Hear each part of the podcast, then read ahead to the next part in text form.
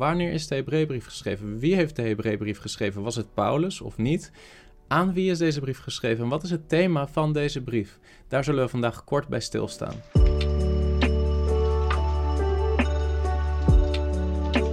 We beginnen met de ingewikkelde en controversiële vraag: wie heeft de Hebreeënbrief eigenlijk geschreven? En het simpele antwoord op die vraag is: we weten het niet, maar dat is niet erg.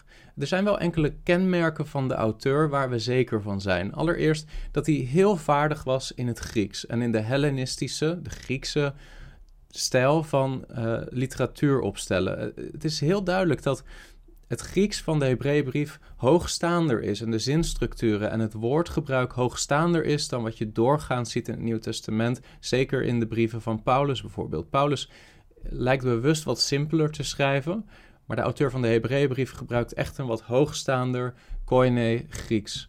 Daarnaast is duidelijk dat de auteur zeer bekend was met het Oude Testament, met de oud-testamentische geschriften.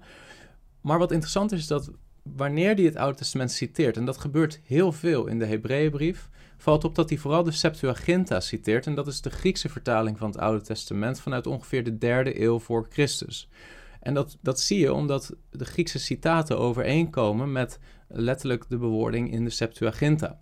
Daarnaast is het zo dat de auteur pastoraal betrokken is bij zijn publiek, dat hij zijn publiek kende uh, en dat hij ook bekend was met Timotheus. En dat zie je bijvoorbeeld in Hebreeën 13, vers 22 tot 24. Daar lezen we helemaal het einde van de brief. Overigens roep ik u ertoe op, broeders, deze woorden van vermaning te verdragen, ook al heb ik u slechts in het kort geschreven. U moet weten dat broeder Timotheus losgelaten is. Samen met hem zal ik u zien, zodra hij komt. Goed, al uw voorgangers en al de heiligen, de broeders uit Italië, groeten u.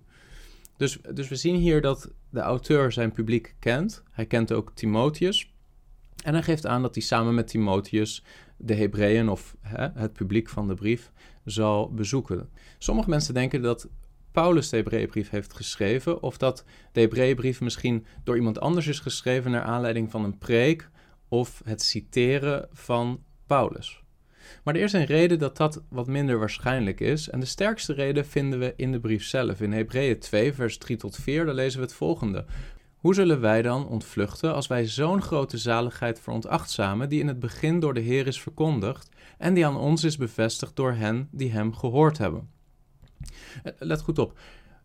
De zaligheid die in het begin door de Heer is verkondigd en die aan ons, dus de auteur betrekt zichzelf in dat ons, die aan ons is bevestigd door hen die hem gehoord hebben. En dan heeft hij het over de eerste generatie van mensen die het evangelie direct van Jezus heeft gehoord. En in de context gaat dat met name over de apostelen. Maar de auteur rekent zichzelf dus niet tot de apostelen. En dat is een heel sterk argument waarom Paulus niet de auteur is van de Hebreeënbrief, of waarschijnlijk niet. Ten diepste weten we het niet zeker. In de traditie, dat zullen we zo zien, zijn veel mensen er wel van overtuigd dat Paulus de auteur uh, was, vele eeuwen lang.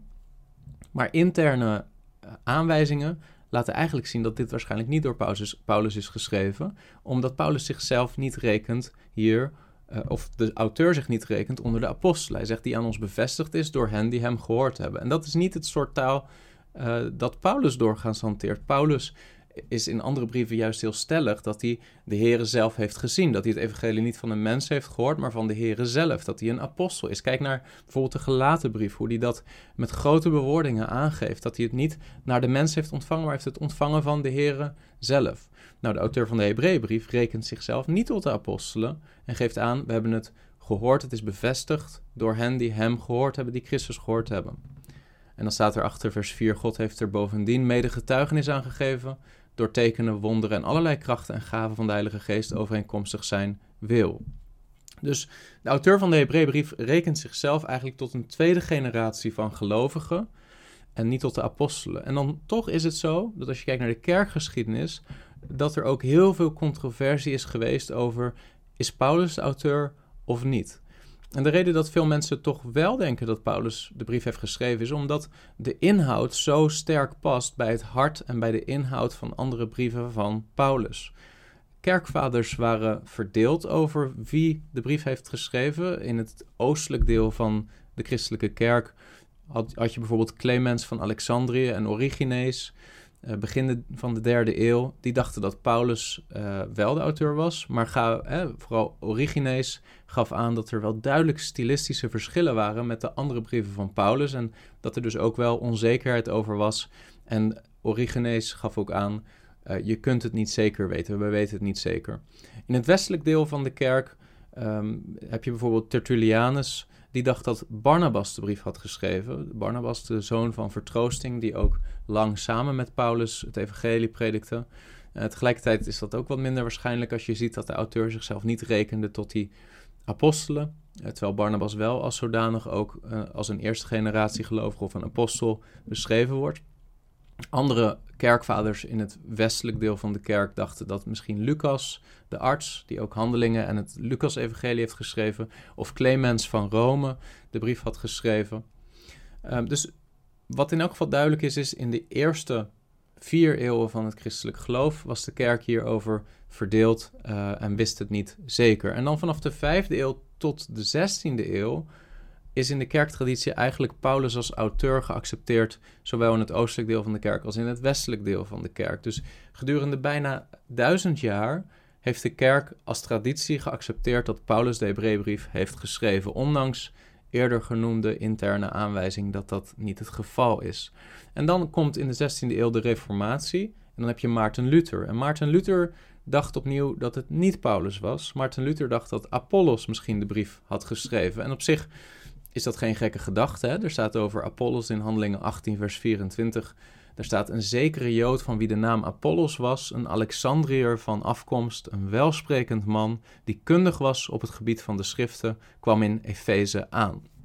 Nou, er staat over Apollos dat hij een welsprekend man was. Dat past bij het profiel van de auteur van de Hebreeënbrief, want dat is een welsprekende, welschrijvende uh, persoon geweest. Uh, daarnaast staat er dat hij kundig was op het gebied van de schriften. En als je ziet hoe vaak oud-testamentische schriftgedeelten geciteerd worden door de auteur van de Hebreeënbrief, dan is ook dat een belangrijk criterium wat in Apollos gevonden wordt. Dus Maarten Luther dacht, uh, bijbels gezien zou Apollos best een logische kandidaat zijn. En dat is ook zo, maar behalve dat eh, ja, zou je ook kunnen zeggen, er zijn nog veel meer mogelijke kandidaten. Dus je hebt geen zekerheid dat Apollos de auteur was van de brief. Nou, sommigen zeggen dus of denken dat het misschien een preek was van Paulus, die door Lucas is opgeschreven. Dat zou heel goed kunnen. Dat verklaart ook tot op zekere hoogte wel de stilistische verschillen in de schrijfstijl. Maar dan nog valt op dat ook als je zou zeggen: hey, Lucas heeft misschien uh, als een soort secretariaat die brief ter hand gesteld namens Paulus naar aanleiding van een preek van hem, dan nog is het niet logisch dat Paulus zichzelf niet rekent tot die apostolische generatie in Hebreeën hoofdstuk 2. Nou, wat jullie natuurlijk allemaal willen weten is hoe dacht Johannes Calvijn er dan precies over? Calvijn die heeft ook aangegeven dat er duidelijke verschillen waren in de stijl tussen Paulus zijn stijl en de stijl van de auteur van de Hebreeënbrief, verschillen in de onderwijsmethode en dat het vreemd was dat de auteur zichzelf afzonderde van de apostelen. Dus ook Calvijn zag dat. En tegelijkertijd benoemde ook Calvijn in zijn schrijven dat de theologie wel overeenkomt met de theologie van Paulus. Dus samenvattend, wie heeft de Hebreeënbrief geschreven? Uh, we weten het niet zeker. En we zullen het waarschijnlijk pas weten wanneer we in de hemel komen. Maar uiteindelijk is het misschien niet het belangrijkste, zoals ik zei in het begin, wie de Hebreeënbrief heeft geschreven. Maar wat de auteur van de Hebreeënbrief zelf ook zegt in Hebreeën 3, vers 7, wanneer hij oud-testamentische geschriften citeert, zegt hij, Hebreeën 3, vers 7, daarom, zoals de Heilige Geest zegt, heden indien u zijn stem hoort, puntje, puntje, puntje. Dus de Hebreeënbrief-auteur zelf citeert een oud-testamentisch schriftgedeelte, maar geeft aan de Heilige Geest zegt. En de Hebreeënbrief is duidelijk geïnspireerd door de Heilige Geest. En dat is ten diepste waar het om gaat. Het is onderdeel, onbetwistbaar, van de Nieuwtestamentische kanon en van het woord van God, zoals geïnspireerd door de Heilige Geest en vandaag de dag in onze Bijbel. Maar wie de brief precies heeft geschreven, dat zullen we waarschijnlijk pas ontdekken in de hemel. De volgende vraag dan is: aan wie is de brief geschreven? En ook dat is niet expliciet beschreven in de brief. Zie je, Hebreeën 1 vers 1 begint eigenlijk meteen al met een uiteenzetting, theologisch, op inhoud, maar begint niet zoals andere brieven van het Nieuwe Testament vaak, met Paulus, een dienstknecht van de Heere God, et cetera, et cetera, aan de gemeente van puntje, puntje, puntje.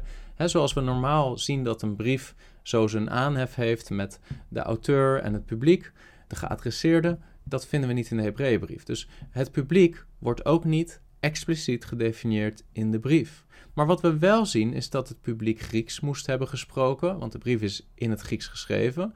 En dat het publiek waarschijnlijk meer bekend was met het Oude Testament vanuit de Septuaginta dan vanuit de Hebreeuwse versie van het Oude Testament. Het publiek moet verder bekend geweest zijn met oud-testamentische concepten zoals uh, de verhalen rondom Mozes, de geschiedenis van het volk Israël, de tempeldienst, het offersysteem, het priesterschap. De auteur geeft weliswaar wat definities en wat inleiding, maar het is heel duidelijk dat die concepten allemaal relevant waren voor het publiek, want daar gaat in feite de hele brief over. Niet alleen relevant waren, maar ze waren ermee bekend. Uh, het is ook duidelijk dat het publiek het evangelie had gehoord van de apostelen, want ook dat lezen we in Hebreeën 2 vers 3. Hè? Het is aan ons bevestigd door hen die hem gehoord hebben, die Jezus gehoord hebben het publiek had verder geleden omwille van het evangelie in het begin, maar ze stonden ook op het punt opnieuw te gaan lijden. Dat, dat zien we ook in Hebreeën hoofdstuk 10 bijvoorbeeld, in vers 32. Daar staat, herinner u de dagen van weleer, waarin u, nadat u verlicht was, veel strijd in het lijden hebt verdragen. Nu eens werd u zelf door smaad en verdrukkingen tot een schouwspel gemaakt, dan weer deelde u het lot van hen die zo behandeld werden. Want u hebt ook medelijden gehad met mij in mijn boeien en de beroving van uw eigendommen met blijdschap aanvaard in de wetenschap dat u voor uzelf een beter en blijvend bezit in de hemelen hebt. Werp dan uw vrijmoedigheid niet weg, die een grote beloning met zich meebrengt, want u hebt volharding nodig, opdat u na het volbrengen van de wil van God de vervulling van de belofte zult verkrijgen. En we lezen in Hebreeën 13, vers 12 tot 13: Daarom heeft ook Jezus, om door zijn eigen bloed het volk te heiligen, buiten de poort geleden. Laten wij dan naar hem uitgaan buiten de legerplaats en zijn smaad dragen. Tot slot lezen we in Hebreeën 13, vers 24 nog: Groet al uw voorgangers en al de heiligen, de broeders uit Italië, groeten u. Dus Even samenvattend nogmaals. Het publiek was bekend met oud-testamentische concepten, met het oude verbond en alle inhoudelijke aspecten daaromheen. En dat pleit er heel sterk voor, zoals ook de titel van de brief zegt. Maar de titel van de brief staat niet in de brief zelf, die is pas in de kerkgeschiedenis zo ontstaan. want anders zou je zeggen, het is toch heel duidelijk, hij is geschreven aan de Hebreeën. Heber was een voorvader van het Joodse volk.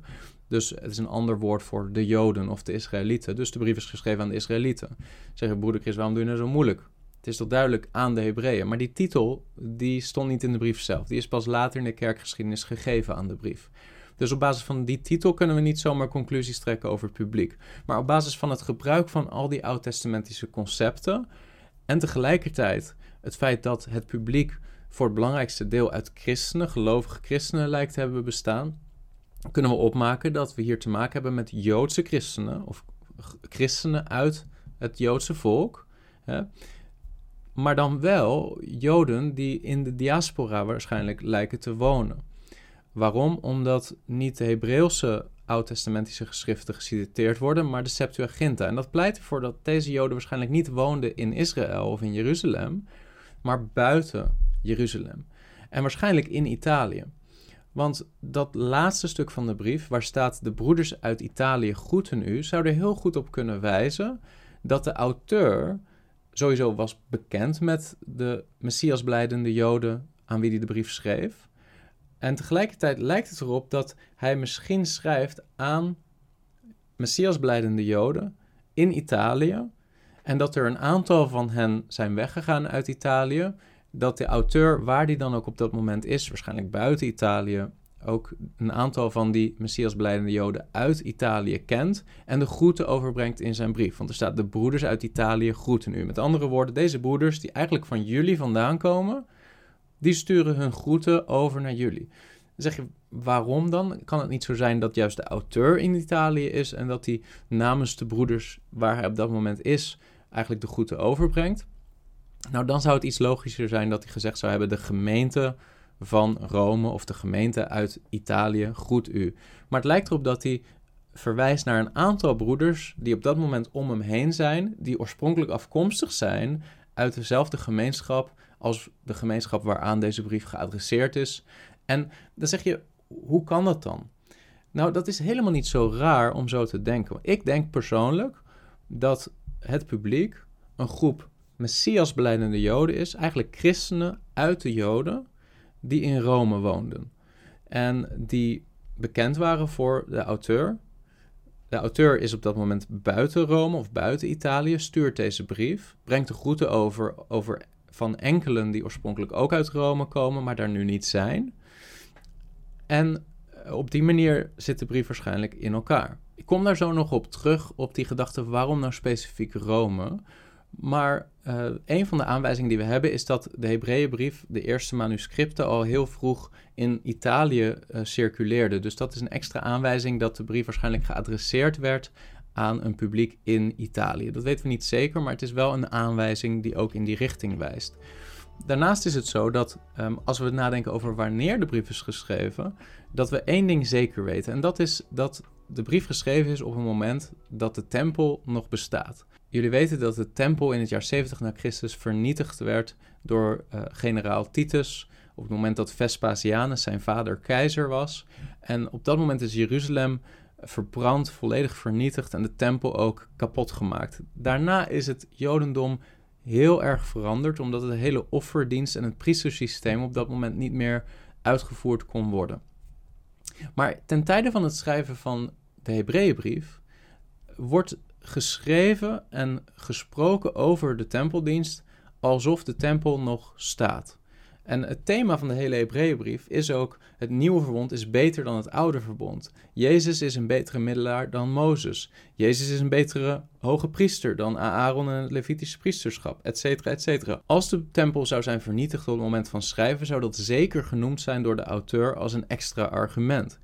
Maar dat doet hij niet. En dat pleit er tegen dat de tempel al vernietigd is op het moment van schrijven. En dat geeft waarschijnlijk aan dat de brief geschreven is voor het jaar 70 na Christus.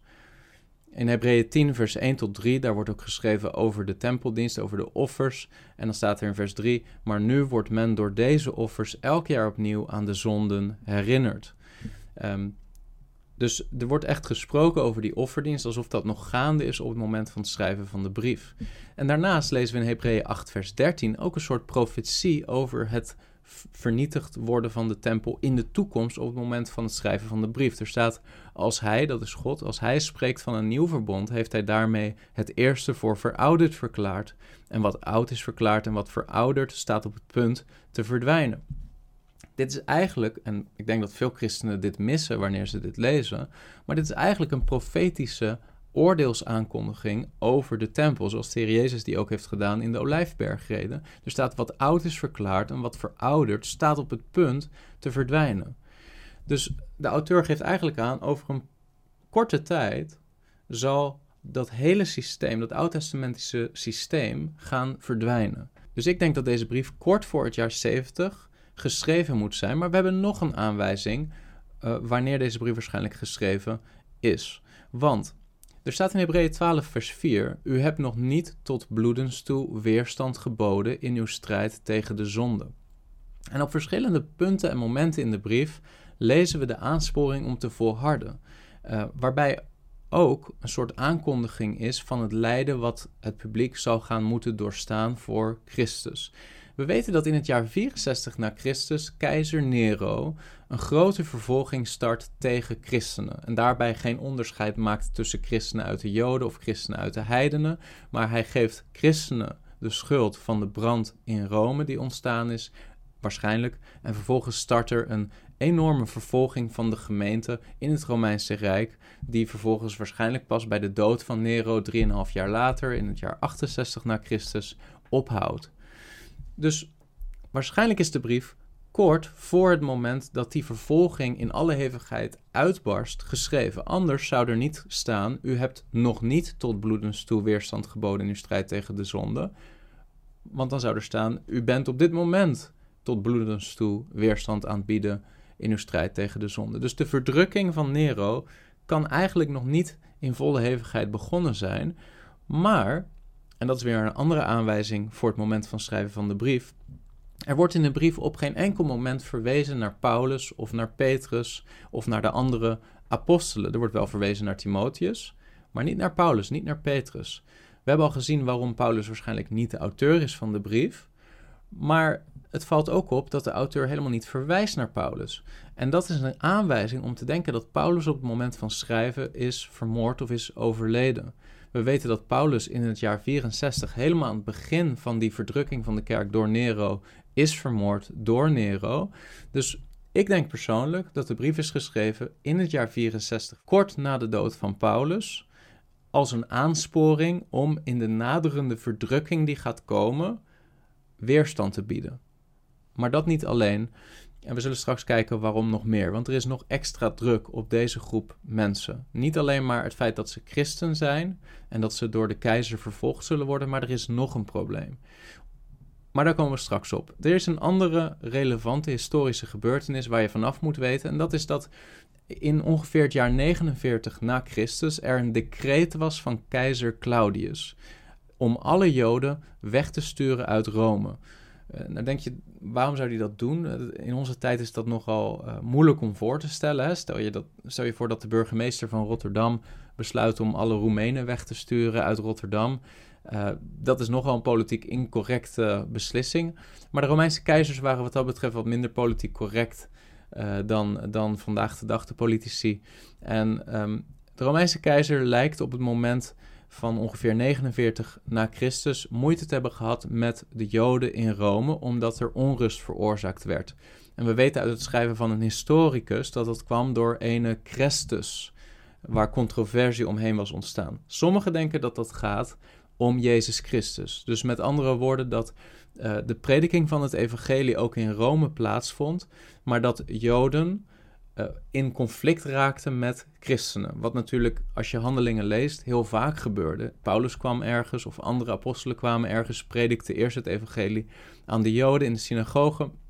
Sommigen kwamen tot geloof uit de Joden, anderen keerden zich tegen het evangelie en vervolgens ontstond daar strijd, conflict en soms ook opstand, waarbij de Romeinse keizers de vrede, de Pax Romana, wilden bewaren en niet zozeer geïnteresseerd waren in de inhoudelijke discussie tussen de Joden en de christenen, maar vooral wilden dat dit stopte en dat die onrust weg was. Mogelijk is dat de reden dat in het jaar 49 na Christus ongeveer alle Joden weggestuurd werden uit Rome.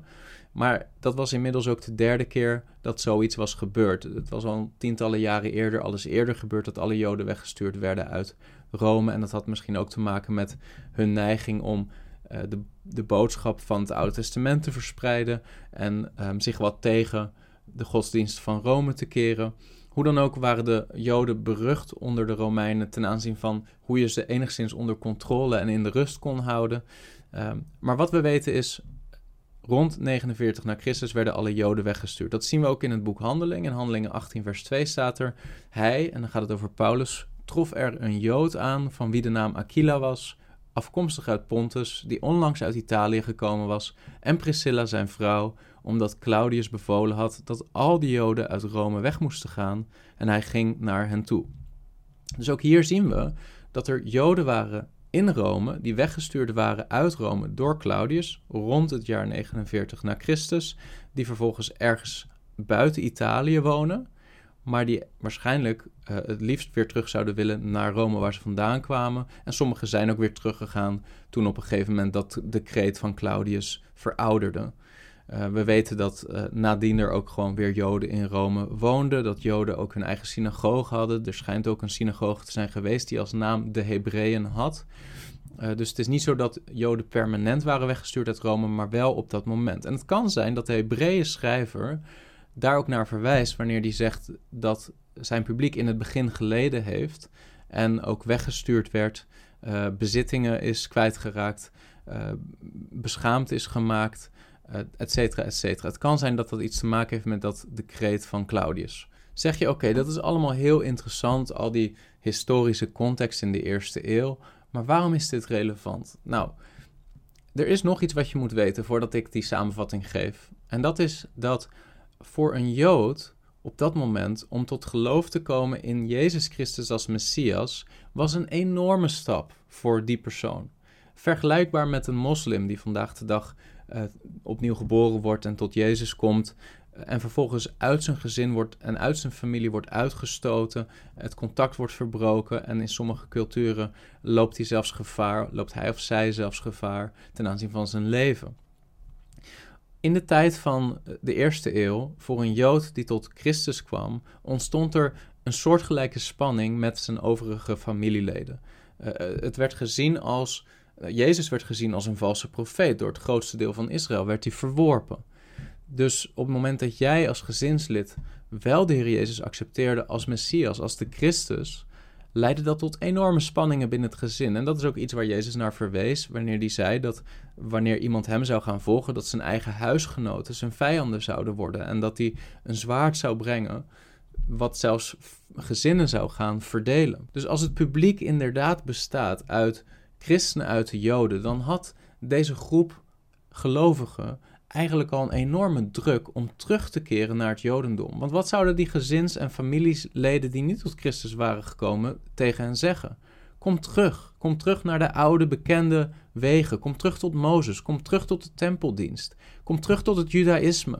Kom terug tot het geloof wat onze voorvaderen altijd hebben omarmd.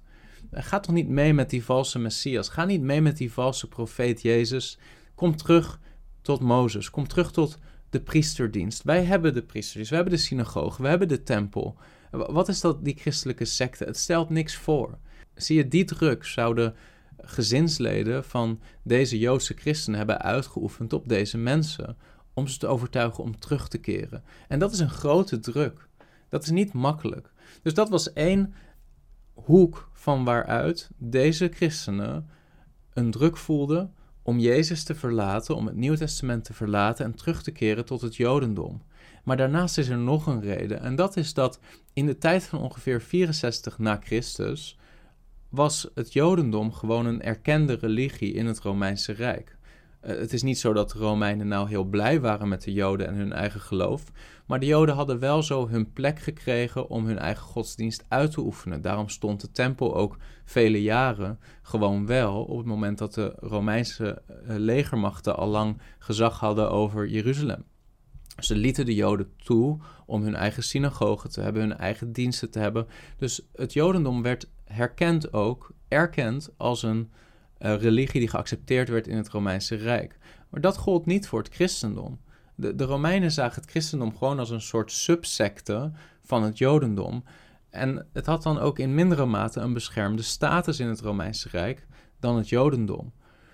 En dat wordt relevant in het jaar 64 na Christus, op het moment dat Nero de gemeente begint te vervolgen en specifiek christenen de schuld geeft van de brand in Rome. Niet Joden, maar christenen. Dus het was ook om die reden van buitenaf, vanuit het Romeinse Rijk, voor die christenen uit de Joden aantrekkelijker om terug te gaan naar het Jodendom en te zeggen: hé, hey, wij zijn gewoon Joden, wij zijn, wij zijn van Mozes, we, we zijn van de synagogen, wij hebben gewoon die erkende religie. In plaats van te zeggen: wij zijn christenen en vervolgens te moeten lijden omwille van dat getuigenis. Dus zie je, van, van, zowel vanuit het Jodendom als vanuit het Romeinse Rijk is er een druk voor deze Joodse christenen om hun christelijke belijdenis te verlaten en terug te keren tot het Judaïsme. En dan zeg je, wat was er precies voor nodig om dan weer als Joodse christen terug te keren naar het Jodendom en het christendom de rug toe te keren? Nou, de drie dingen die daarvoor nodig zouden zijn geweest, is één besnijdenis. Maar goed, waarschijnlijk waren de meeste Joden hier al besneden. Uh, en het tweede was de mikva, oftewel een ceremoniële doop, uh, een wassen, uh, een soort waterbad, net zoiets als de doop in het christelijk geloof, waarmee je opnieuw jezelf compleet reinigt en aangeeft: ik wil weer toetreden tot het Jodendom. En ten derde de korban, oftewel het offer brengen in de tempel. Voor deze Joodse christenen om weer terug te keren tot het Jodendom, moesten ze naar de tempel in Jeruzalem om daar een offer te brengen. En daarmee zeiden ze in feite: Wij erkennen niet langer het volmaakte offer van Jezus Christus, maar wij gaan terug naar de offerdienst van het Oude Testament. Daar stellen we ons vertrouwen op. Als je al die context zo hebt, dan begrijp je wellicht wat het hele thema is van de Hebreeënbrief. Het thema van de Hebreeënbrief is een pleidooi en een waarschuwing aan deze Joodse christenen om niet terug te keren naar het Jodendom en Christus daarmee de rug toe te keren.